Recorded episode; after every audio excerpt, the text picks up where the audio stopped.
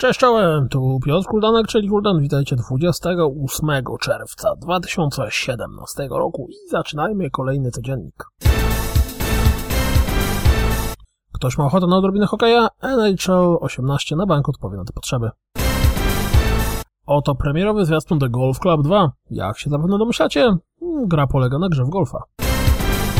Poi bardzo chciałby być świetną platformówką 3D. Ciężko cenić po zwiastunie premierowym, czy tak jest, ale na bank jest kolorowa i radosna.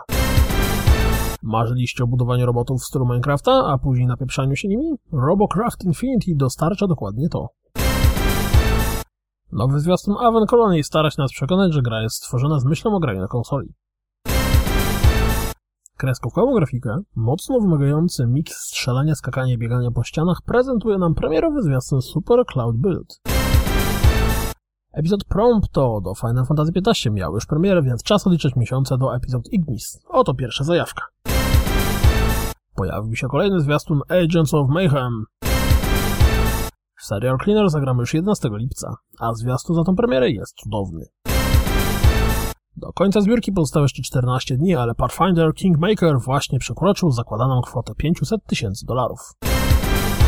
Ninja Theory postanowiło zrobić nadawaną na żywo sesję pytań i odpowiedzi z główną bohaterką Hellblade Senua's Sacrifice. Patrząc po słowach Reggie'ego, na Switcha mogą zmierzyć większa ilość gier podbajerowanych z Wii U.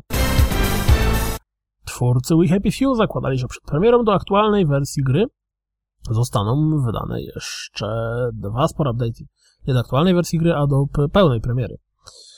E, postanowili jednak, że z jednego z nich zrezygnować i do premiery dostaniemy tylko jeden. Najprawdopodobniej w sierpniu. Wiemy w jakie gry zagramy w ramach lipcowego Games with Gold. Na Xboxie One będzie to Grow Up i Rumble, a na Xboxie 360 Kane Lynch 2 oraz LEGO Pirates of the Caribbean The Video Game. Battle Ride to kolejna gra w kolorowej grafice o nawalających się drużynach. Ni to Smite, ni to Paragon. Zobaczcie sami. Nowy update do Titanfall 2 zapowiada się smakowicie. Kiedy jeden z twórców Destiny 2 mówi, że gra będzie miała wielowarstwową narrację, odruchowo myślę o czytaniu encyklopedycznych notek w necie.